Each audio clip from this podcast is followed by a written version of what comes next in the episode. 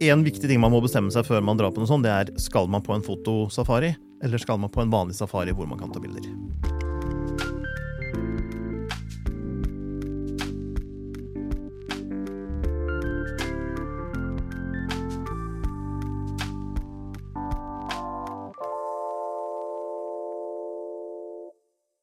Velkommen, kjære lyttere, kjære ørevenner, kjære seere der ute. Vi er klar med en ny episode av Fotopodden. I dag skal vi snakke om å ta bilder på safari. Det er veldig, veldig gøy, veldig, veldig spennende, og jeg syns alle burde prøve det minst én gang. Til å hjelpe oss med dette her, så har vi fått tak i Lars Erik Blendelien. Han er vanligvis sportsfotograf, men nå har han vært på safari i Kenya og kommer entusiastisk tilbake igjen derfra. Så velkommen, Lars Erik. Tusen hjertelig takk. Du er jo fotograf til daglig, er du ikke det? Jo, til viss grad. Ja. Det er ikke det jeg jobber med, men eh, en veldig god hobby. i hvert fall. Men det er første gang du er på safari, Første gang jeg var på safari. Ja. og det var gøy. Altså, det, Du sa det egentlig, det er noe egentlig alle burde prøve en gang.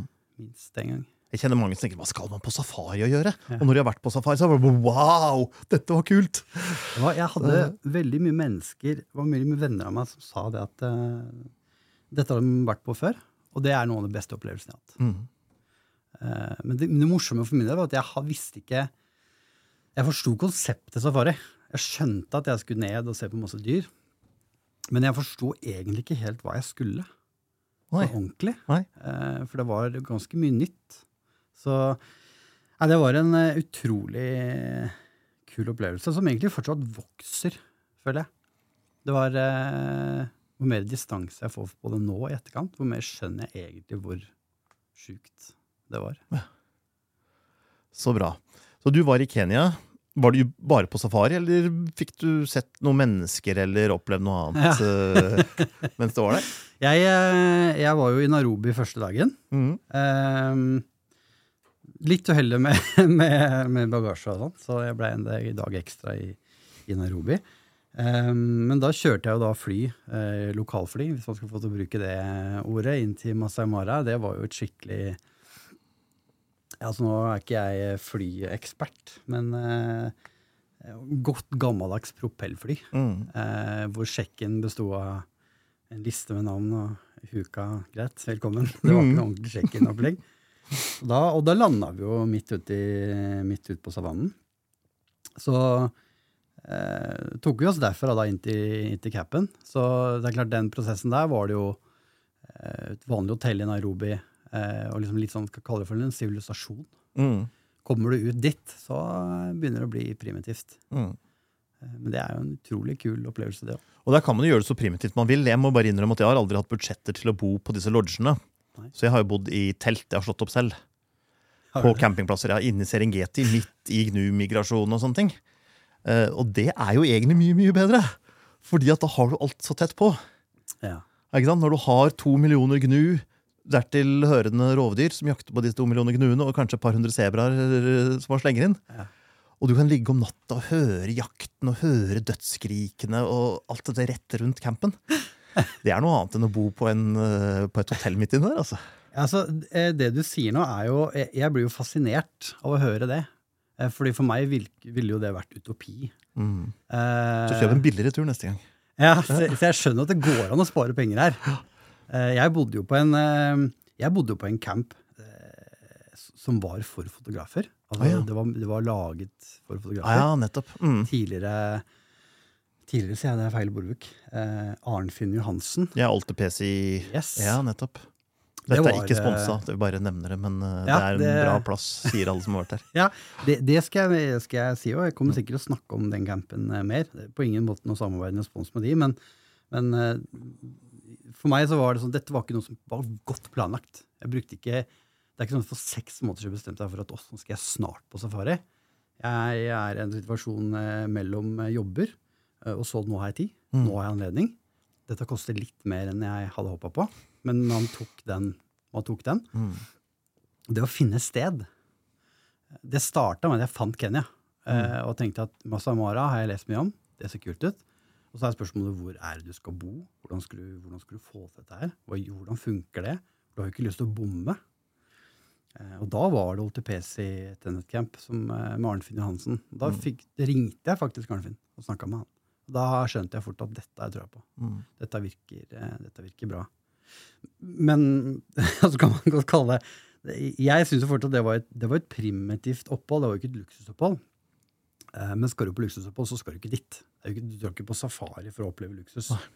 Uh, Så det, det funka. Det var et uh, helt uh, flunkende litt sånn glamping-type telt. Mm. Du hadde do, du hadde dusj, du hadde seng. Det var helt luksus, egentlig.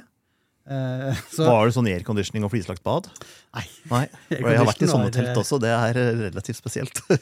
Jeg er jo skjebneglad for at det var såpass kaldt på natta. ja. Det ligger jo liksom- ganske høyt. Ja, det lå vel på en 18, rundt 1800 meter. Mm. Eh, og det var vel en rundt eh, 17-18 grader på natta. Første natten var det 22 grader. Mm. Da syns jeg det var litt varmt. så jeg sov ikke dritgodt den natta. Det er klart, Da blir du jo plassert Du bor jo midt ute i bushen. Mm. Eh, masse dyr og fugler og kuer og bikkjer. Og det er ikke måte på hvor mye som lager interessante lyder som du egentlig ikke er vant til hjemme i Norge. Så, så det var jo en interessant natt. Det første natta så ganske dårlig, eh, men så droppa temperaturen veldig. Da sov jeg helt nydelig. Eh, og da blir du vant til det, da. Så du, du har jo basically et sted hvor du egentlig det eneste du gjør, er å sove, for du er ute resten av dagen. Mm. Det er jo egentlig det. Eh, Det er jo egentlig en viktig ting man må bestemme seg før man drar på noe sånt. Det er skal man på en fotosafari, eller skal man på en vanlig safari hvor man kan ta bilder. Jeg er veldig glad for at du sier det sånn. Jeg kunne ikke vært mer enig på akkurat det. Og, og dette skjønte jeg egentlig ikke helt før jeg kom dit, faktisk. Eh, sjåføren spurte meg er du turist eller er du fotograf. Mm. Og så tenkte jeg jeg har jo booka fototur, liksom. Mm. Ja, ja, Men vi har folk som kommer som turister, Akkurat. som er med litt sånn eh, De er fotografer, men de, de ønsker det komfortabelt. Mm. Eh, Men det han egentlig spurte om, var hva gjør vi når vi får en telefon om at det foregår et eller annet? Hvordan vil du da at vi skal bevege oss til det stedet?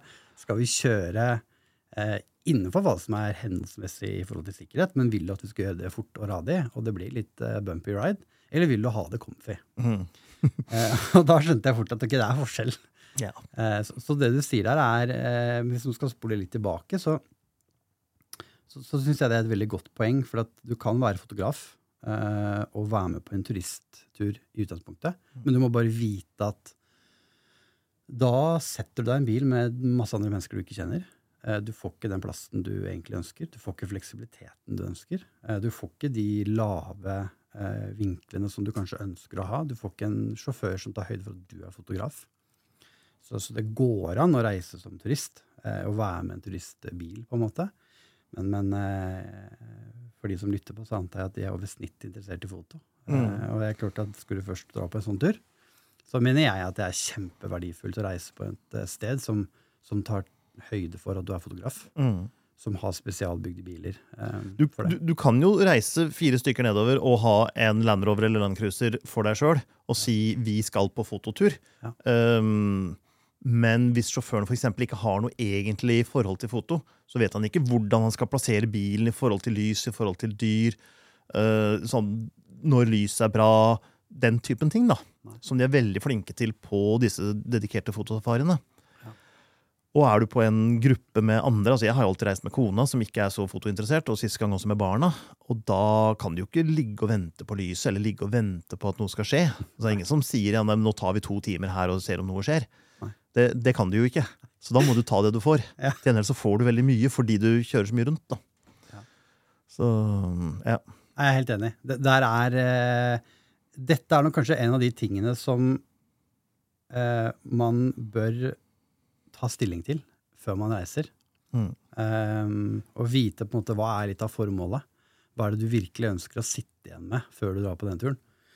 For det, det kan du kommunisere til den guiden du får. Mm. Eh, og hvis du da er få i bilen, så, så er det veldig stor sannsynlighet for at du får oppleve det du faktisk eh, ønsker. Jeg hadde ikke noe spesielt forhold til dette her før jeg dro.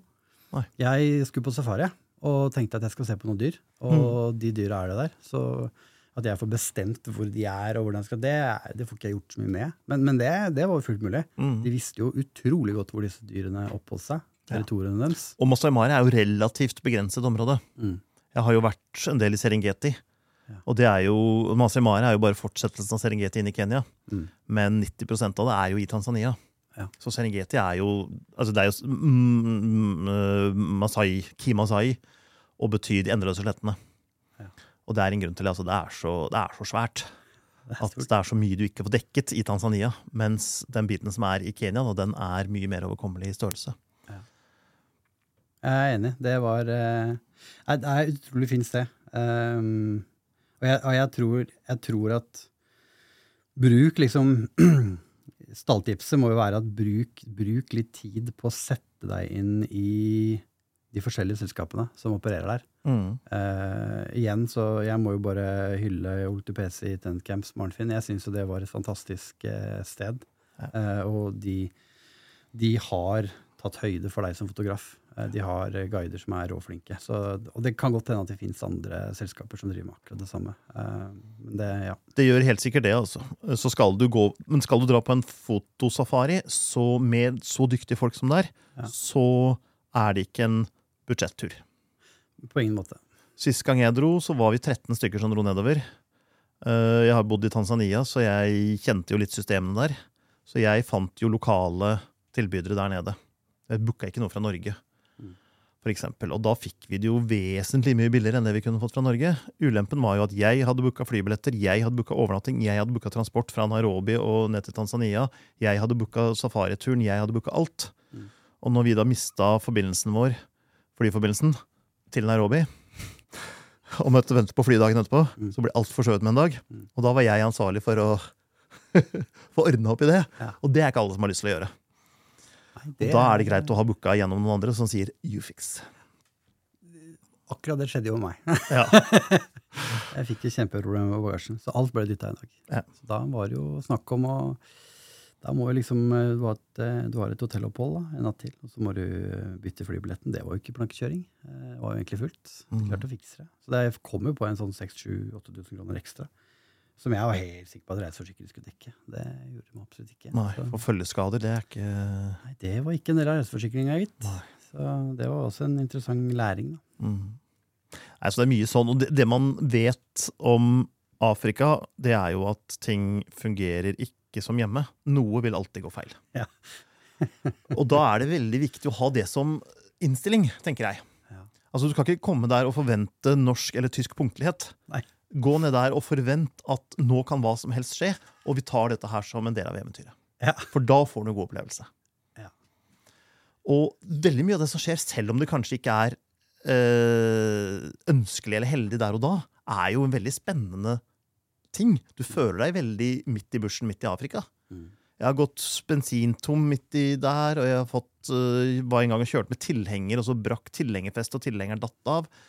Og eh, mye rart. altså Punktert midt ute i bushen, og omringet av hyener i teltet om natta. Det, det er ting som man ikke forventer skal skje. Mm. Men når man overlever og kan fortelle historien etterpå, så er det egentlig ganske gøy. Altså hyener rundt teltet på natta, da, da kjenner du at du lever litt, Mm. tror jeg. Vi gjorde for så vidt det, og vi prøvde å kjenne på det så godt vi kunne i tilfelle det ikke varte så lenge. Altså at vi levde. Ja, Tanken streifa. I tanken streifa. Da skal jeg ærlig innrømme at jeg veit ikke helt hvor høy i hatten jeg hadde vært da. Det, Nei, vi, vi var ikke så veldig høye i hatten, og noe av grunnen var at dette var en campingplass som de drev og bygde opp, som ikke var ferdig ennå. Så den var ikke bemanna på noen måte. Det var ingen vakter, det var ingen andre der. Nei. Eh, Vi var fire stykker pluss en sjåfør og en kokk. Ja. Og da de hørte slash så høneflokken, så var de fullt fisprang på vei mot bilen. Eh, Men vi kunne ikke sove i bilen alle sammen, og vi kunne ikke kjøre midt på natta, så vi hadde egentlig ikke noe valg annet enn å bli i teltet. Og så fant vi ut at de kommer antagelig ikke til å gjøre noe så lenge vi er i teltet, men hvis noen må på do om natta, så kan de vekke alle sammen, så vi kan gå sammen. Ja. Og noen måtte jo på do om natta, selvfølgelig. Når jeg da drar opp glidelåsen på teltet, så bare hører jeg masse føtter som løper sin vei. Og så går jeg ut og kikker, og så er det bare titusenvis av fotspor rundt teltet. Da har de bare gått og sirkla rundt teltet der i timevis. men en liten millimeter med nylon? Nei, det prøver de seg ikke på. det holder. Det holder. Det er forsikringa, det. Ja, det er en eh, sprø eh, Ja, der skulle du ha. Jeg tror ikke det er så mange som topper deg med den storyen der. eh. Det er det helt sikkert. Du tror det? Ja, ja, det Ja. tror jeg nok. Det er, folk, har- og, altså, man opplever alltid noe annerledes når man er på en safari. Noe Ja. som ikke er sånn som vanlig. Ja. på godt eller vondt. Ja. Og dette her var for så vidt både godt og vondt. Ja. Men, men det er så mye rart som kan skje, at det skjer nesten alltid et eller annet. Og eh, det er noe av det som gjør det så spennende, syns jeg. da.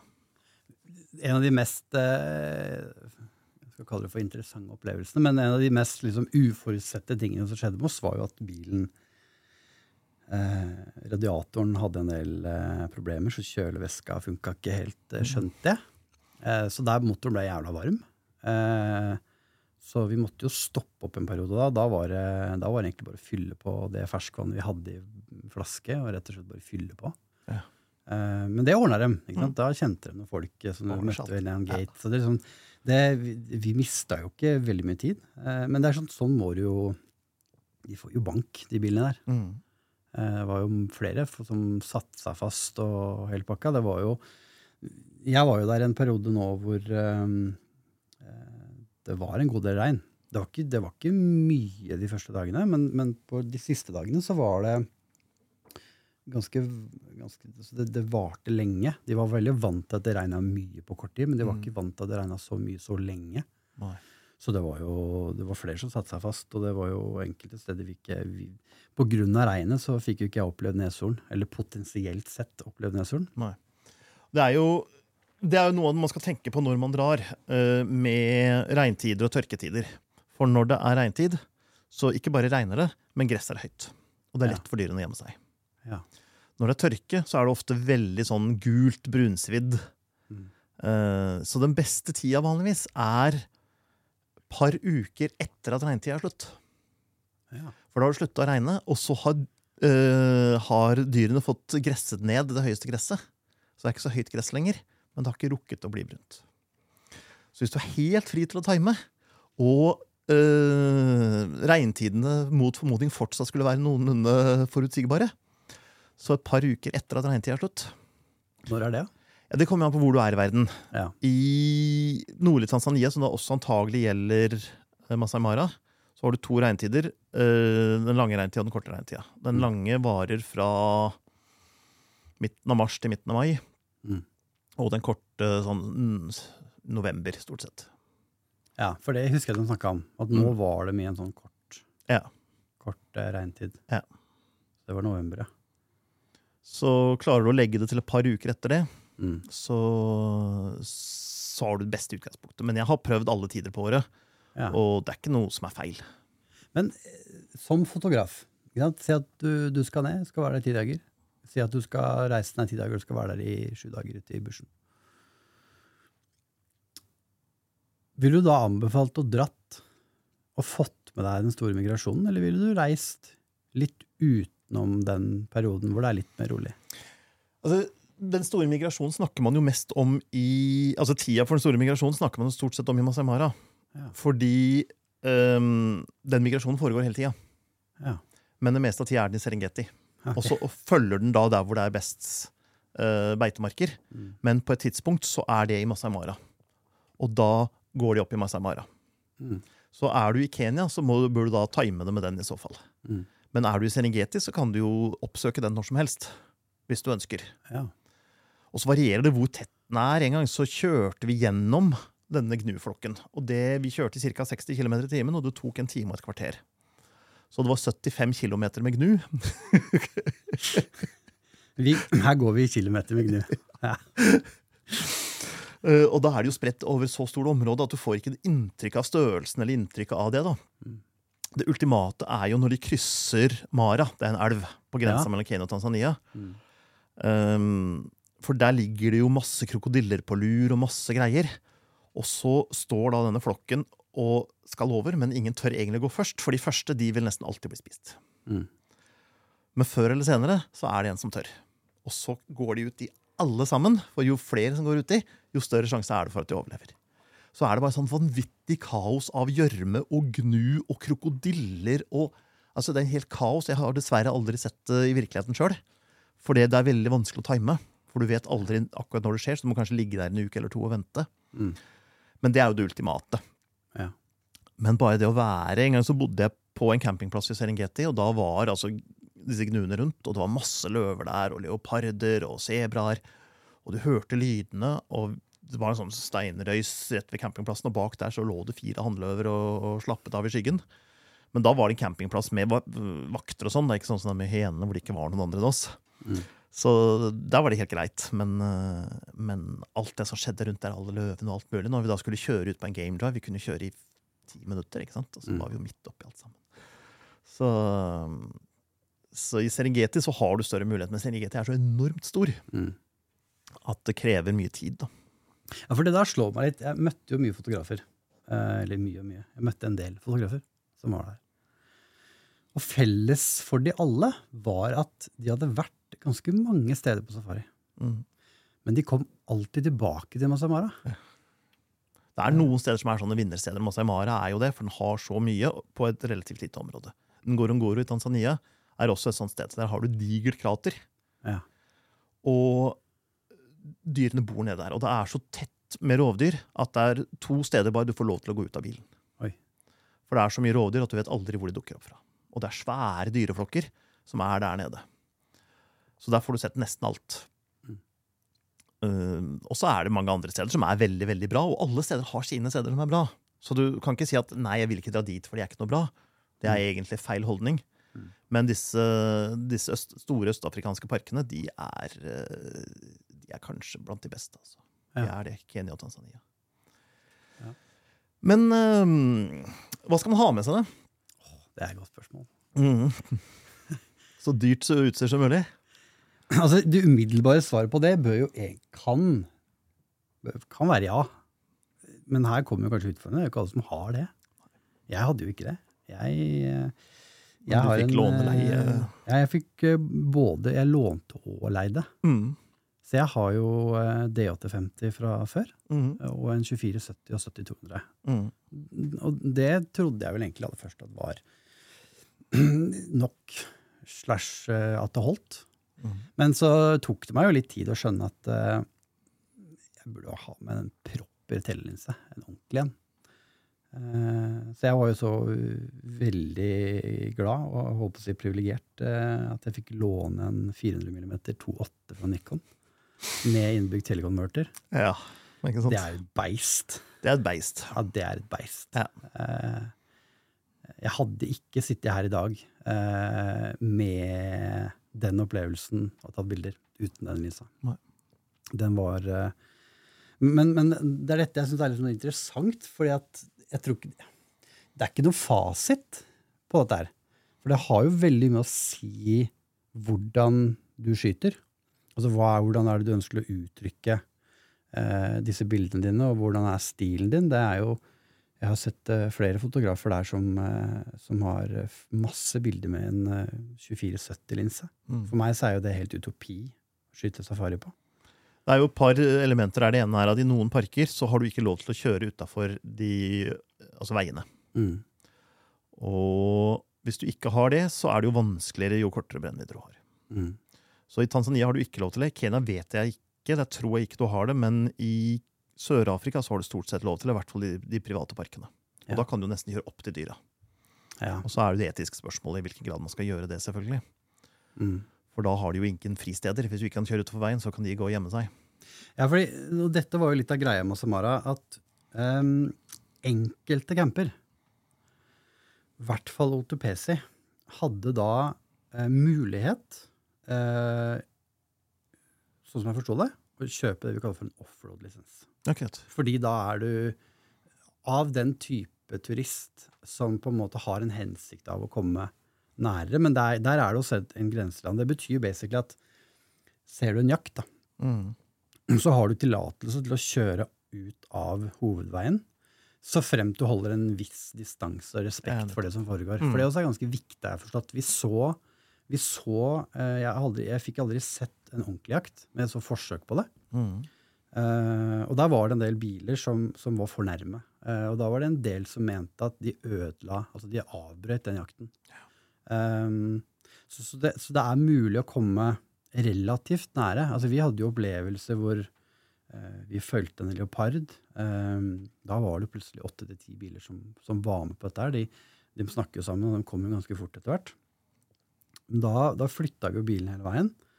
Eh, og da kan hende at leoparden krysser eh, biler. Og da går de jo inn til bilen. Altså, vi hadde jo Mm. Leopard helt inntil bilen. Ja. Eh, men det er klart, det er jo ikke de bildene som blir best. Det er jo ikke de du ønsker å henge på veggen. Stort sett, da. Nei. Det er jo de med litt avstand, med god brennvidde og Mm. Så, så, så jeg, er, jeg er evig takknemlig for eh, å ha hatt muligheten til å ha med en ordentlig tele, telesom. Eh, eller, ja, Hva ikke en telesom. Tele. Det var ikke en telesom. Og det er vel et viktig spørsmål her. Ja. Zoom eller ikke zoom? For jeg er veldig glad i zoom på safari nettopp fordi jeg sjelden har hatt mulighet for å kjøre utafor veien. Ja. Og da kan du ikke sjøl bestemme avstand til dyret. Og da er en zoom helt uvurderlig. Gitt at Ja, jeg er enig til en viss grad. Uh, fordi at jeg føler vel sjøl at hvis jeg hadde hatt med meg en telezoom Altså, nå er jeg Nikon-mann, jeg kjenner ikke så godt til andre, andre leverandører, men, men jeg har vel nå skjønt at Nikon har kommet med en ganske vanvittig, og det har sikkert mange andre også, altså en ganske vanvittig teleson. Den begynner vel fra en type fire opp til en fem-seks, hvis ikke høyere. Så du mister jo en god del lys eh, skal du et stykke opp. Um, så er spørsmålet hvor mye har det å si, da. Jeg merka ganske stor forskjell på når jeg skjøt 2,8 med 400 og skrudde på telekonverteren til 4 på Mhm. 560. Det er ikke mye, men jeg ser forskjell. Bildekvalitetsmessig, eller på hva, hva er det du ser forskjellen på? Jeg ser den eh, altså På fagspråket så kaller vi det for Er det bukket vi kaller det? Ja. Du, du, du ser akkurat nok differanse til at det er merkbart. Ja, men Det skulle ikke bli noe forskjell i dybdeskarpheten, fordi det du mister pga. mindre blender, det får du jo pga. lengre brennvidde. Men du introduserer jo noe nytt glass som kanskje gjør den bakgrunnen mindre pen. Det er mulig. Det er et godt poeng. Det kan det være. Mm. Men det er, men det er jo markant, da. Så, så, så her kom, nå snakker vi jo egentlig litt om en luksussituasjon, for at det er jo ikke alle som, som, eh, som har sånn type optikk. Eh, så, så hvis du ikke har altså De aller fleste har jo kanskje 2470, og veldig mange har kanskje en type 70-200. Mm. Hvis du da har alternativet mellom at du, du har mulighet til å ta med deg en, eh, en kjempetelezoom, eller en prime lens på, eller en, en fast optikk på kanskje 300 mm, ja, da hadde jeg kanskje tatt med meg en telezoom Mm. istedenfor. Fordi 300 mm kan i enkelte tilfeller være for lite. I mange tilfeller. Ja. Men da kan du ha med en telekonverter. da. Kan. Men, Jeg har jo en 120-300-28 som jeg har brukt en del på safari. ja. Og en telekonverter på den. Så jeg Ja. kan få 600 med en 5.6. Og jeg kan ha 328, og jeg kan ha holdt på å si alt imellom. Ja. Og, og den er helt fantastisk til safari. ja. Eh, Så skulle jeg selvfølgelig gjerne hatt en 600 blende 4. Ikke sant? Når du kan isolere motivet fra bakgrunnen med, med en større blender, så kan du også få motivet til å stå mer fram, Mm. som kan være veldig flott i enkelte tilfeller. Ja. I andre tilfeller så vil du ha miljøet rundt mer. Og da kan du gjerne blende ned, til og med. Ja. Så, men det objektivet du hadde med deg, hva koster det, da? 170 000 kroner? ja, jeg tror vel Nikon opererer med 180 på nett. Ja, eh, noe sånt sant? Så det er ganske dyr eh, Det blir en veldig billig safari i forhold, da. Ja, det, det, det gjør det. Vi, vi kan vel si det sånn at jeg hadde aldri kjøpt eh, noe sånt utstyr for det formålet. Nei. Og jeg klarer ikke helt å se forsvarliggjøringen av å eie det heller. Um, men men, men én ting er jo optikken. Eh, altså Har du mulighet til å ha med deg en type Om det er 300 filmeter, om det er 400, om det er 500 eller 600 fast optikk, så tenker jeg at har du det, så det må med. Eh, plassering av bilen kan du gjøre en del med. Du kan flytte deg en god del. Mm. Eh, Men hvis du ikke har noe av tingene, eh, og har lekt med tanken på å kjøpe en ordentlig telesom, så, så er jo Safari en fryktelig god unnskyldning til til til å gjøre det. Ja, det er det. Eh, hadde ikke jeg eh, fått, eh, fått den anledningen til å låne det, den linsa, så hadde jeg kanskje muligens kjøpt meg en litt rimeligere telezoom. Men da hadde, ja, men da hadde jeg gått på med et kompromiss. ikke sant? Hadde jeg ikke turt å gå fullt inn. Men alt her er jo det. Alt er jo kompromisser på et eller annet vis. Enten prismessig, vektmessig, størrelsesmessig, fleksibilitetsmessig. Alt alt. sammen. Det ene eller den andre veien. Jeg syns jo 180 000 er litt mye for et safariobjektiv. Ja, det er galskap. Eh, Så i litt mer sånn menneskelig område så har du jo f.eks. Sigma 60-600 mm. Hvis du reiser med bare ett kamera, så er jo det utrolig fleksibelt. Ja. Men jeg liker jo å ha to kameraer. En med kort brennvidde, en med lang brennvidde. Ja, fordi nå innfører du noe som jeg syns er viktig at vi prater om. For du nevnte telekonverter. Og det er jeg kjempefan av, gitt at du har muligheten til det. Mm. Fordi har du et hus, så har du egentlig et, Da har du en utfordring på safari.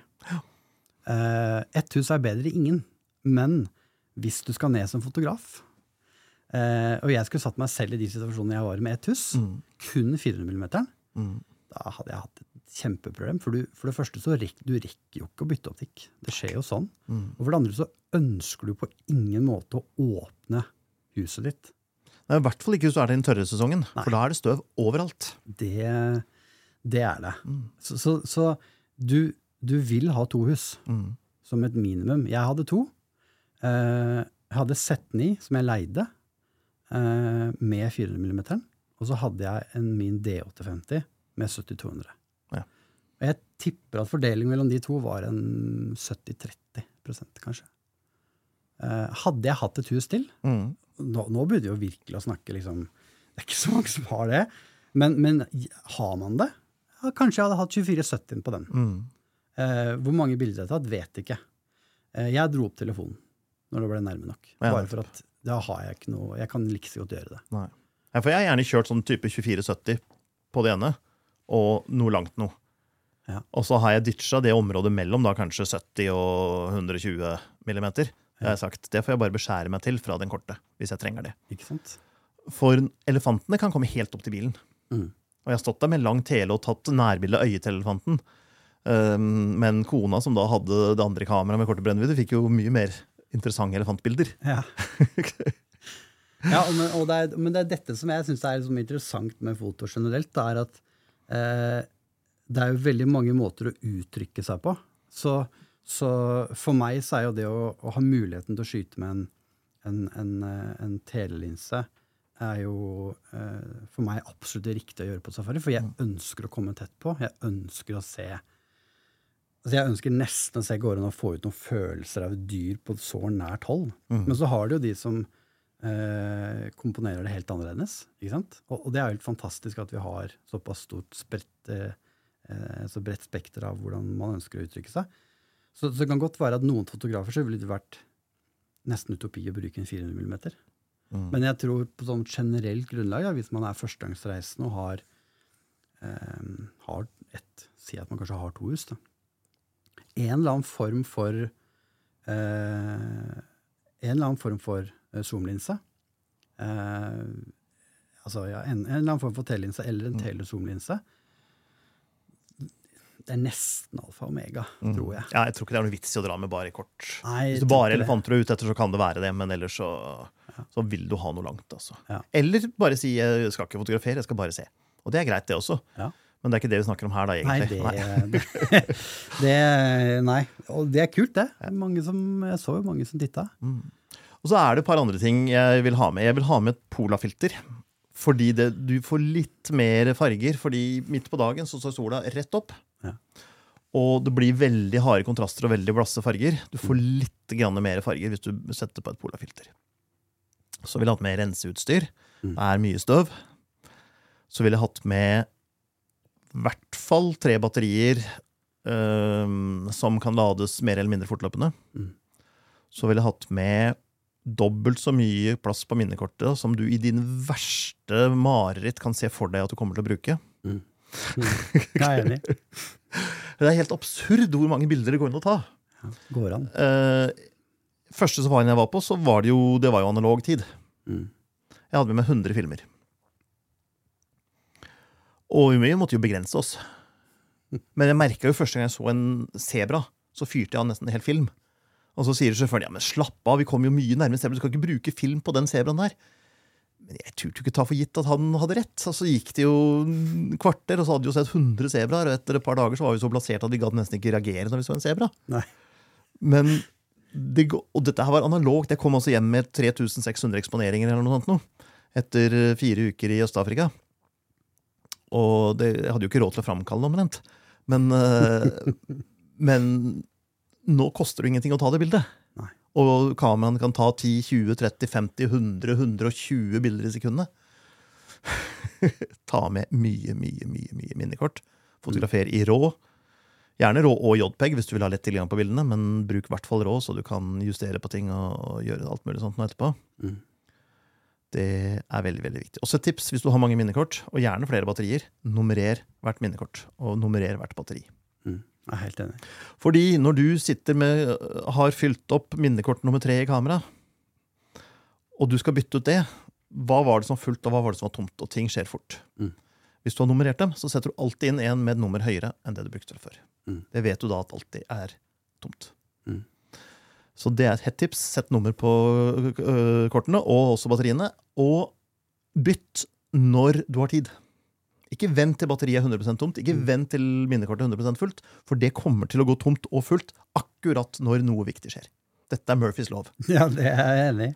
Så for å unngå det, så la bytt nå når det er 10 igjen. Drit i de siste 10% bare bytt sånn at du er klar når noe skjer. For da, ellers så går du glipp av ting. Dette har vi dårlig erfaring med fra før. Ja, men jeg, jeg, du, jeg syns eh, liksom, eh, tipslista di er egentlig nesten komplett. Eller den er komplett. Jeg, jeg er helt enig i altså, da, Hvis du skal se på datasiden først, da. Mm. Eh, minnekort, ta med det du har. Det, og har du ikke nok plass på de minnekortene dine, ja, igjen, da er jeg tilbake til at eh, hvis ikke du finner en god unnskyldning på å kjøpe flere minnekort til Safari, da tror jeg ikke du finner så mange andre bedre unnskyldninger. Eh, det er på en måte en, det er sånn, det må du ha De kan gå tapt, de kan gå i stykker. Du kan ta flere bilder enn du tror. Ja. Her er det mange muligheter. Du kan finne ut at du plutselig skal ta video. Da fylles de opp sånn. Ja, og der treffer du, da. Jeg skyter jo stort sett bare still. Det er Mm. det jeg har drevet med i mange, mange år. Men eh, jeg tenkte at det hadde vært gøy å teste video, da. Leke litt med det. Og det gikk jo litt utover Altså, jeg hadde I setten inn så hadde jeg et eh, 320 gig CF Ekspress-kort i spor 1, med jeg skøyt. Og så hadde jeg i spor 2 eh, et 128 gig eh, CF Ekspress-kort som jeg skøyt eh, komprimert JPEG på. Mm. Og det, det var egentlig et spor som jeg Det bare var en sånn worst case scenario backup-ting. Eh, så når jeg kom hjem til teltet, så det første jeg gjorde, det var å eksportere bildene fra spor 1 over på en SSD-disk, og så kopierte jeg igjen den SSD-disken. Så jeg hadde dataene tre steder. Jeg hadde to rå i to forskjellige SSD-disker, pluss én ferdig komprimert på JPEG. Mm. Så jeg hadde dataene tre steder. Og det er rett og slett fordi at det er utrolig kjipt å komme hjem fra Safari, og så er bildene dine borte. Det kan skje. Det er, eh, de aller fleste med har holdt på en stund, så har det skjedd. Mm. Så jeg er helt enig i at datasiden der nest, ha, en, ha en tanke om hvordan du ønsker å forvalte bildene dine. Mm. Det er store datamengder, og du må jo ha en del sånn backup-systemer. Det som går an i dag, er jo, hvis du har to minnekortspor i kamera, er å kjøre det samme til begge sporene. Ja. For da har du det to steder. Men selvfølgelig, hvis du er i, i Kenya, hvis du er i Nairobi, da kommer du skal hjem, og noen snapper kameraet ditt, så hjelper det ikke at du har to minnekort i kamera. Nei, det gjør ikke det. Der har du case. Så Man bør ha det på forskjellige steder, og en i innsjekkingsbagasje, en i håndbagasje og så videre. og Så, videre. så å ha to SSD-er, det er ikke dumt, det. altså. Nei, jeg hadde med meg fire ganger én terabytes disker. Mm. Eh, Den siste brukte jeg jo ikke. Nei. Eh, Men det er klart, fordi at jeg skjøt video, så blei det jo ganske mye mer data enn jeg egentlig er vant til. Mhm. Eh, Så, så det syns jeg egentlig var veldig gøy. Og det igjen førte jo til at kameraet kamera eh, Altså batteriet ble jo ganske fort slukt, da. Det var ganske, ganske overraskende. Jeg er jo vant til jeg er jo vant til at når man har dager hvor du skyter nesten hele dag ett, så er jeg vant til at eh, både på D850 med batterigrep og på setten inn, så, så har du nesten hele dagen. Altså Du trenger egentlig nesten ikke å bytte. Nei. Men der måtte jeg bytte eh, klokka tre-fire på dagen. Mm. Og nå, i bilene i dag som du kjører rundt i, så har du jo ofte 220 volt strøm. Ja. Så du kan lade underveis. Så du Mm. kan ha ett på lading og ett i kamera til enhver tid. Ja. Men jeg ville likevel hatt tre batterier. Ja, Et batteri kan også feile. er. Eller det kan være en dag hvor ladinga i bilen feiler, eller et eller annet. Ja. Og, og du vil ikke Altså, de hundrelappene som det batteriet koster, det er ikke verdt det Nei. å risikere noe ved å spare de hundrelappene. Du betaler så mye for utstyret, for turen, for alt mulig, at de hundrelappene, det er ikke det som ødelegger. Eh, Det er mangelen på minnekort, strøm, kamera og optikk som ødelegger. Så Jeg ville, jeg ville aldri belaget meg på en strategi der du er avhengig av å lade i bil. Det, det ser jeg litt på som en sånn eh, backup-scenario. Du er tom, det batteriet du plukka med er tomt. Det var noe gærent som har skjedd med batteriet, du får ikke lade det. Ok, da har du mulighet til å lade. Så jeg er helt enig med deg. Ha med deg i hvert fall tre batterier. Men det kommer jo også an på hva slags tur du er på. For når jeg er på tur hvor jeg må sette opp mitt eget telt, så er det ikke strøm i det teltet. Nei. I beste fall så er det nødlader, men den må også lades et eller annet sted. Så, så da er jeg avhengig av å lade i bilen. For det er det eneste stedet jeg har strøm. Ja, altså sånn sett så setter du jo altså Den campen som jeg var på, så setter du egentlig eh, det i perspektiv. Så, så var jo vi på et ganske De som var der, var jo et eh, Vi var jo ganske privilegerte som da hadde strøm i teltet. Så vi fikk jo lada eh, hver kveld, så det var jo, det var jo kjempefint. Hva, hva gjorde du for å beskytte utstyret underveis? Hvis vi skal dele det opp i to, da. Mm. Vi kan dele opp i transport. Punkt én, altså ned dit. Eh, der kjøpte jeg meg jo faktisk en sekk for anledningen. Eh, en sånn Shimoda-sekk. Eh, hatt en Benro-sekk i alle år. Det er ikke noe gærent med den. Den har jo vært fin, den. Men jeg så at dette eh, organisasjons- eller organiseringssystemet til, til Shimoda, det, det var talende. Eh, så jeg, jeg røyk på en sånn sekk. Eh, det gjorde at jeg var ganske trygg på at utstyret var ganske godt transportert ned. Mm. Eh, For du har selvfølgelig håndbagasjen. da Det er viktig du å si her. Du sjekker ikke inn fotoutstyret. i håndbagasjen. Det Så skal jeg vel Jeg skal være så ærlig, selv om det er vondt å si det, så hadde jeg jo eh, Jeg hadde jo en linse i eh, bagasjen. Mm. Rett og slett, jeg hadde ikke plass. Jeg hadde med en 22 kilo håndbagasje. Mm. Så jeg kjente at jeg kan ikke begynne å tyne den grensa altfor mye. Men alternativet mitt var å ikke ha det med. Mm. Så det, det, det, det måtte jeg. Men jeg, alt av liksom to hus og de viktigste linsene hadde jeg jo i, i Shimoda-sekken. Og så hadde jeg da 400 mm i egen, eh, egen veske. Mm. Og den ba jeg jo tett på meg hele tida. Det er klart, det, det gjør jo Ja, det, det, er, det er dyrt å ha. Det er dyrt å bære rundt seg, så den, eh, det kjente jeg på. Den må jeg passe ganske godt eh, på. Mm. Når vi kom ut eh, og, og skulle ut og skyte, så, så hadde jeg egentlig Jeg hadde jo de to husene, og de var ferdig satt på med de optikkene som skal være på.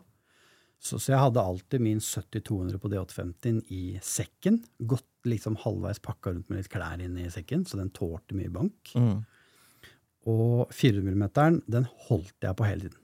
Ja. Jeg satt alltid med den. Jeg la den aldri, eller jeg la den fra meg hvis vi sto stille. Men ellers så holdt jeg alltid den i fanget mitt, og holdt godt på den. Og det handla egentlig litt om at eh, du får slag på den bilen. Det er mye som skjer. Det, det er litt som å sitte på en tolv timers eh, karusell. Eh, og da er det greit å vite at eh, det viktigste verktøyet du har med deg på tur, det skal du ha kontroll på. Mm. Så jeg har holdt på det hele tiden. Ja, nettopp. Um. Nei, Jeg pleier også å ha det i en sekk. Gjerne en som jeg både kan reise ned med, og som jeg kan ha da liggende gjerne i et sete, hvis det er et ledig sete i bilen. Mm. Så den kan ligge i setet der. Har du fjæring, og det er litt mykt, men det er tilgjengelig oppi der. Ja. Og så er det lett, raskt å lukke hvis du kommer til et sted hvor det støver veldig mye. ja. Jeg har jo reist nedover med En gang så reiste jeg med EOS 5D, 6D og 7D. Og diverse lange objektiver og greier. Da veide vel håndbagasjen 20 kilo. Ja. Eh, Så jeg hadde liksom gått på forhånd og så øvd meg på bæren litt sånn nonchalant. Så at det så ut som den ikke veide så mye. Så at jeg ikke skulle bli stoppa og ikke fikk den om bord. Jeg kunne jo ikke sjekke inn den. Og det gikk, det, altså. Mm. Men, øh, men det er litt skummelt noen ganger, for du, de sier jo åtte kilo på en sånn håndbagasje. Ja, og jeg kjente jo på det òg. Mm. At her har jeg tatt i Altså, jeg er jo langt over grensa. Det visste jeg jo. Mm. Men alternativet mitt var Jeg hadde jo ikke noe alternativ. Nei, Det finnes jo sånn hardcase som er sånn Ja, det kan du. hard plast og fast skumgummi inni som er skåret ut spesielt til det du skal ha det opp så det ligger helt fast. Mm. De tåler veldig veldig mye, og de bør tåle en innsjekk. Men du skal ikke ha vindusplass på fly så mange ganger og sett hvordan de håndterer bagasjen før du ikke har lyst til å gjøre det likevel. Altså. Nei, men jeg, jeg, jeg, hadde, jeg, hadde, jeg hadde ikke sendt av gårde utstyr en hardcase. Eh, jeg skjønner at det er altså, jeg, jeg forstår at det fins mange settinger hvor du må gjøre det, men på en sånn tur du er 100 avhengig av utstyret ditt. Ja, Du hadde jo svetta litt siden bagasjen ikke kom fram heller. Ja, altså det, det, nei, det, det, det, hadde jeg ikke gjort. altså. Da hadde jeg heller tatt den kjefta det hadde vært, og sagt uh, unnskyld 14 ganger. Mm. Og sagt at uh, men jeg må ha med dette her. Mm. Så går det jo stort sett greit. Men det kan jeg altså ikke gjøre. Også. Mm. Det kommer an på hvor sære de er, de du møter på. Ja, det, er det, altså. Ja. Men du dro opp en ting her som du nevnte ganske tidlig eh, med polariseringsfilter. Mm. Det, det var jo Jeg var jo her eh, rett før jeg dro. Så var det jo da eh, Det var jo Thomas, da. Som, eh, Thomas Brun, for de som ikke Ja, de vet vel de fleste hvem det er. Ja, han er teknikeren vår. Sitter i studio her med oss nå. Så sa vi at eh, ja, da må du ha med deg polariseringsfilter, da. tenkte jeg sånn, ja, er det har vel det, tenkte meg, men har vel det. Jeg var ganske sikker på at jeg hadde det. Ja, Det er ikke så viktig, tenkte jeg. Kanskje jo, det var greit. Jeg tar, jeg tar med har hjemme. Det, det skulle jeg absolutt hatt med. Det hadde jeg jo ikke med. Fant ikke det hjemme. Jeg burde absolutt hatt det med. De dagene det var hardt lys. Mm. Det er hardt lys. Eh, det hadde hjulpet vanvittig, hadde jeg hatt det. Så det er jo største kanskje læringa av den turen her. At jeg var dum nok til ikke å ha med meg det. Det da veit jeg det neste gang. Mm. En ting til man bør ha med seg. En uh, Hva heter det på norsk? En beanbag. Ertepose. Ja. Altså Som du da kan legge på taket av bilen eller på, i vinduskarmen, eller noe sånt, som du kan lene objektivet på. Du mm. får ekstra støtte. Nå er jo bildestabilisatoren blitt så bra, mm. men hvert hvis du står med 400 mm, så har du ikke lyst til å stå der i åtte timer. Da er det veldig greit å kunne lene et sted, og du vil ikke lene rett på det harde metallet. Nei. du får kjøpt sånne. Men du kan også egentlig ta en pose med glidelås, eller sy deg en pose med en mm. glidelås i. Og når du kommer ned, så kjøper du bønner eller ris til, som du fyller den opp med, og så har du den ferdig. Ja, for det også var eh, for Beanbag eh, fikk jeg beskjed om på forhånd at det har vi det har de i bilene. Ja, så, så, og det tror jeg nok ikke gjelder generelt. Eh, men Olti PC hadde... Hvor dyr tur du er på, er det en fototur, så har de det nok. Ja. ja på fototur, da, sånn som type Olti PC, så hadde de det i bilen. Hadde ja, alltid to beanbags. Mm. Eh, det har ikke jeg brukt så mye før. Eh, så megaverdi i det der nede. De gangene hvor vi kjørte ned til tre, ikke sant? og så ser vi at nå ligger en leopard nede. Disse guidene vet jo da på en eller annen mystisk måte at nei, det dyret skal opp snart. Mm tenker jeg ja, ja, jeg gjør hva du sier. Dette kan du. Så da står vi her da og venter. Og vi er jo, det var jo mange timer vi sto stille og bare venta. Eh, og det er klart, Da var det jo å sette opp disse beatbagene, rigge opp begge kameraene med 70-204 mm, og ha de på taket, altså på, på, på dette toppet Når du tar av taket, så har du et ganske sånn stort område du kan legge beanbagen på. Og da lå de klare. Mm. Eh, så, så, det har vært kjempeverdifullt å ha med en beanbag. Så, så, hvis det stedet du skal på, ikke har det, så er det absolutt å, å anbefale. Mm. Og så hadde jeg med meg en monopod. Så hvis vi skal snakke litt om stabilitet, da, så er det én ting jeg, jeg, var usikker på om jeg kom til å bruke monopoden, faktisk. Men jeg, den er ikke, det kosta ikke mye, 800-900 kroner. Det tenkte jeg var verdt. Det er lite vekt å ha med seg, det tar ikke så stor plass. Det hadde jeg kjempebruk for. Akkurat. Og, men det hadde jeg bruk for i settinger som ikke jeg hadde skulle trodd. For det var så enkelt som at midt på dagen så var det veldig varmt. Sola sto godt på. UV-styrken var kjempehøy. Eh, og det å ha utstyret da i sola jeg, jeg, jeg, jeg, kan ikke, jeg, kan ikke, nok om hva det gjør med utstyret over tid, men, men det ble helt vanvittig varmt. Mm.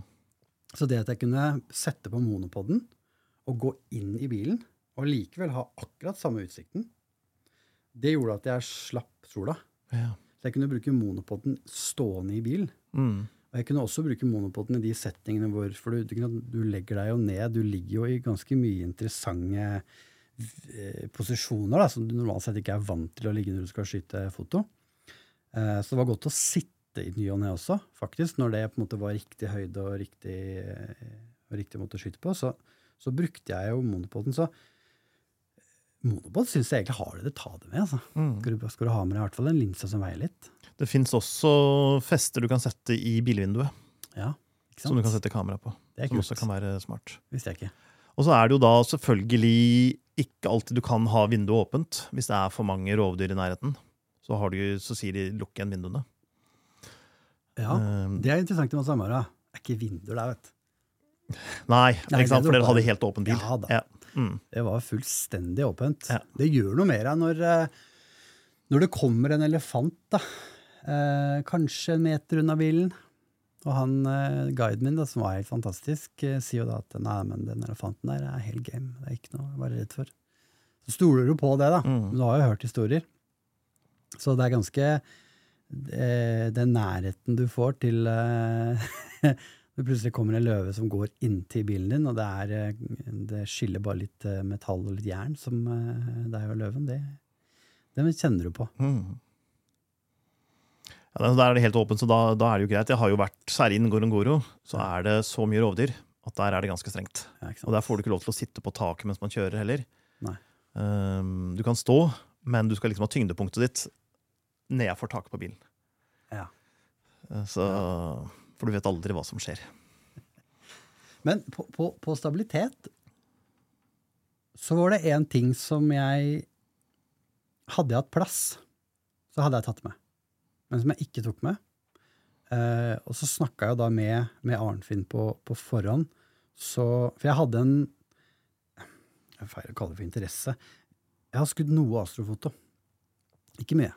Men akkurat nok til at jeg har begynt å skjønne liksom de grunnleggende prinsippene i det. Eh, så jeg hadde jo lyst til å ha meg en tripod. Mm. Fordi først og fremst så trodde jeg jo at jeg kom til å da våkne opp på natta på kvelden og skyte astro. Ja. Det er bare å glemme. Og du er jo så sliten. Du har ikke sjans. Altså, det jo Så føler jeg kanskje ikke så trygg der ute heller. Jeg vet ikke hvor mye vakter og sånn er rundt der du er, men som sagt, så der jeg har vært, så går du ikke ut om natta i mørket. Altså. Nei, altså, du var jo en litt eh, interessant setting. Du hadde jo ikke gått ut. Vi var jo så privilegerte at vi hadde jo vakter som Mm. da ville komme til deg og blitt med på det. Ja.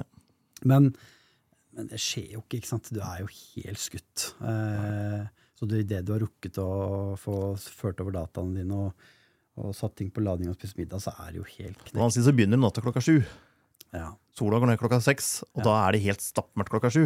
Ja. Så, så du har jo litt kveld du kan bruke som natt også da, til sånne ting. Du har det. Men uh, jeg tar gjerne med en gorillapod eller noe tilsvarende, bare sånn liten. Så jeg har noe å sette det på på bakken. Ikke noe stort, for det har jeg Mm. Ikke plass til. det er godt eh, råd, faktisk. Ta med meg en litt mindre tripod. Ja. En Mm. liten gorilla, en gorillapod som er litt fleksibel, som kan nok være en gull ting. Jeg fikk jo låne, altså Arnfinn satt jo fram tripod til meg. Ja. Uh, og så hadde jeg da eget eh, samme feste. Eh, ble dessverre ikke brukt. Så, så det er sånn når, når slash hvis man skal tilbake, blir jo sikkert når, så kommer jeg aldri til å ta meg en tripod. Det, for at det Jeg har ikke brukt det mye, heller. Nei. Men enten til makro eller til sånne nattehimler. Ja. For det er jo lite lysforurensning en del av disse stedene. Altså. Ja, det er jo det. Veldig, veldig, veldig mørkt. Ja. Ja. Um, lys. Ja. Lys er jo finest om morgenen og om kvelden. Mm. Og i Norge så er vi jo vant til skumringer som varer fire timer. Der varer skumringen i en halvtime. Mm. Hvordan øh, jobba du med lyset? Vi, vi dro ut alltid veldig tidlig. Vi var vel eh, ute sånn mellom fem og seks på morgenen. Da hadde vi ca. en time på oss før soloppgangen kom. Og vi dro alltid ut med en tro om at det kommer til å bli en fin soloppgang. Det er liksom, Du må alltid ta utgangspunkt i det. Det var en del dager det var rått. Ganske vært veldig mye regn. Det var utrolig mye dugg. Eh, det var mye tåke vi hadde i en del dager. Det blir kult, det òg. Når, når disen Ja. letter, så blir det veldig fint en periode. Det blir kjempekult. Så, for jeg hadde jo liksom en sånn derre Jeg hadde jo sett for meg at liksom jeg skulle få en sånn skikkelig sånn fargefull eh, soloppgang eh, i horisonten. Det, det fikk vi faktisk aldri. På, rett og slett fordi det var så skyete. Mm. Men det var fint, det òg, på sin måte. Men, men, så jeg, jeg vil jo egentlig si at hvis du skal ta dagen i, som, et, som en helhet, så ja, greit, vi, vi fikk kanskje ikke den helt perfekte soloppgangen eh, som man på en måte så for seg at man kanskje kunne få. Men det fine var jo at det var masse skyer hele dagen. Så lyset var helt nydelig. Altså, vi hadde jo dager midt på dagen hvor lyset var helt fantastisk. Ja. Det var kjempefint. Mm. Så, så, så sånn sett så, så var det nesten som at det kunne vært nesten bedre enn å kunne fått en sånn ti minutter på morgenen. Mm. På kveldstiden, på solnedgang, så da lette vi jo stort sett etter motiver eh, litt før eh, sola gikk ned. Eh, vi hadde vel to dager hvor vi fikk med oss solnedgangen. De andre dagene var det, det, var så, det var så mye regn og skyer at du, du hadde ikke sjans. Det, det var eh, Ja, for Det kan jo være en av fordelene med regntida, for du kan få disse mørke mørke skyene mm, som gir det der helt trolske lyset, selv Ja. midt på dagen. Ja. Og det får du jo ikke i tørketida. Da er det jo bare steik. Ja. Men til gjengjeld, da, når det regner, og sånn, så er det ikke alltid så koselig å drive på heller. Nei, det er Jeg, jeg sitter jo igjen med at uh, Altså, jeg vet jo ikke om noe annet. Jeg har jo ikke sett disse ordentlige soloppgangene og solnedgangene. Men, men jeg føler meg jo nesten privilegert som har fått uh, såpass godt lys hele tiden. Mm. Jeg synes det var kjempefint. Og så kommer det da perioder hvor himmelen åpner seg litt, og så får du noen solstråler. Ja. Kanskje du får en regnbue. Så, så det er klart, det var mye å leke med. Det var egentlig spørsmålet spørsmål om du må være på riktig, riktig sted til riktig tid. Mm. Så lysmessig er det jo fryktelig mye å leke med da, Mm. eh, på et sånt område. Og i hvert fall i regntida, tror jeg. Ja. Jeg føler ofte at jeg ikke fikk At lyset ikke samarbeider med meg da når jeg var i tørketida. Det, da er det, det er nok mer krevende lys, men det er mye mye mer forutsigbart. Ja. Det er det. Ja. Så er det jo så mye mer sol. Vi eh, hadde jo en Land Rover hvor man tok vekk taket. Altså det var bare kalesje over. Ja. Bare vekk. Mm. Det vil si, du hadde jo ikke noe skygge. Nei. Så når sola da steikte tolv timer fra oven, så skulle du beskytte deg godt, altså. For du Det er mye, mye, mye, mye uvær. Ja, det, det merka jeg første dagen, faktisk. Um, skal vi si at jeg har aldri vært veldig flink til å smøre meg. Ta meg sammen. Prøv å ta meg sammen der. Kjefte meg sjøl på det. Men eh, jeg tror ikke jeg er aleine om det. Eh, man tenker liksom at ja, ja, men dette går fint. Nå har jeg jo Apple eh, Watch som skriker UV-styrke Ja. når det blir verst. Jeg kan jo liksom se hvordan den utviklingen kommer til å se. Jeg ser det på blemmer og sånn som dukker opp. Jeg. Ja, det, det, er, jo, det er jo litt det motsatte av preventivt. Men det går an, det òg. Så, så jeg ble litt solbrent første dagen. Eh, Snakka da med et, eh, et norsk par som, eh, som var der. Eh, hun påpekte at du, 'har du smurt deg i dag?' Mm. Hvorpå jeg sa nei, det, det, det glemte jeg. Eh, hun hadde da, de hadde siste dagen den dagen, men det siste hun sa, var 'husk nå mm. å smør deg'. Så det gjorde jeg. Men da, da var det faktisk på med bøff. Mm. Eh, selv om det var altså det var jo det var ikke, det var ikke 18 17-18 grader på morgenen. Det ble jo fort 30. Den bøffen var på hele tida. Mm. Samme med capsen. Jeg begynner å bli ganske tynn i topp, eh, topplokket, eh, så capsen her var ganske gull.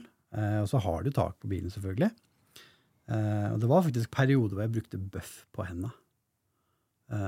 for det var så sterkt å? Ja, det var så ja. sterkt lys. Mm. Så, så, så, lyset der er Det er ikke noe tull, altså. Skal, du skal ta høyde for det. Mm. Men det gjør også at du trenger ikke de store blenderåpningene for å få nok lys. Nei. Fordi det er så mye lys. Det er kun den halvtimen om morgenen og om kvelden, i hvert fall i, i tørketida, Ja. hvor det ikke er masse, masse, masse lys. Ja. Så kan det være selvfølgelig annerledes hvis det kommer noen veldig mørke, svarte regnskyer Ja. i regntida. Det, det er det. Ja.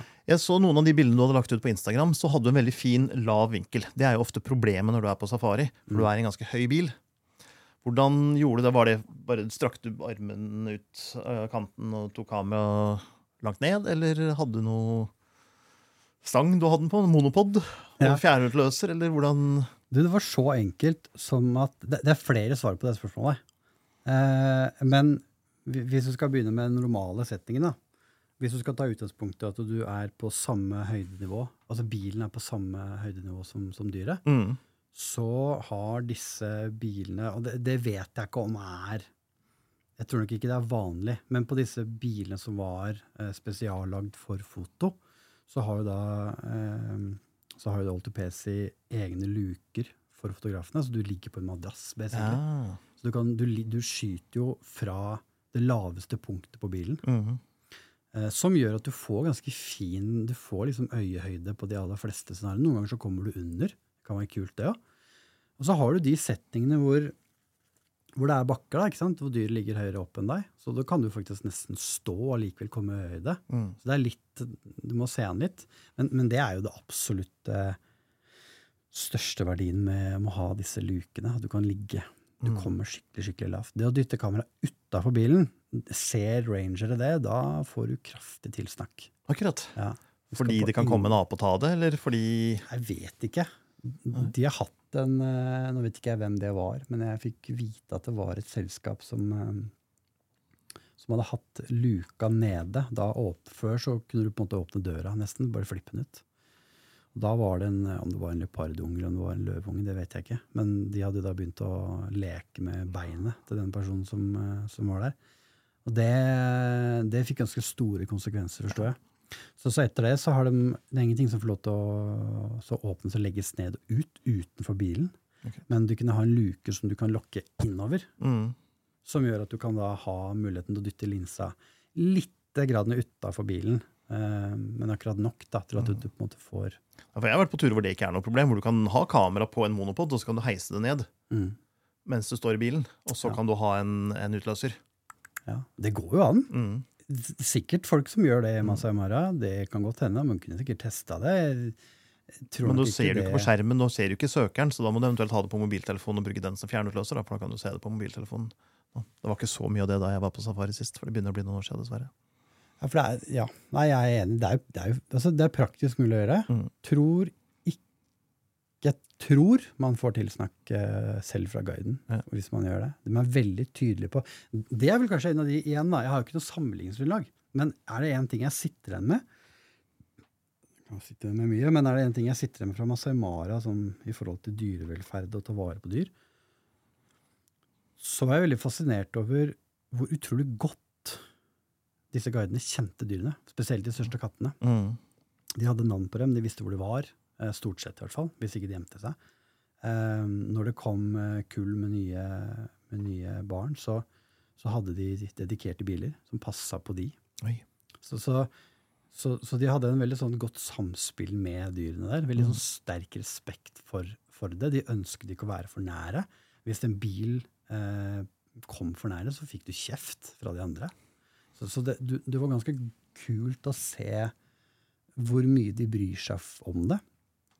Eh, når vi dro ut om morgenen, så, så var det på sånn Si at han guiden som jeg hadde, eh, sikkert holdt på med dette her i 10-15 år. Han gleda seg like mye han, hver eneste morgen. Bare for å se at dyra har det bra. Og for å se at dere bak hadde det bra. Ja, ikke minst. Den entusiasmen tror jeg smitter litt. altså. Ja, det tror jeg de, det tror jeg de gjør. Hadde du med kikkert?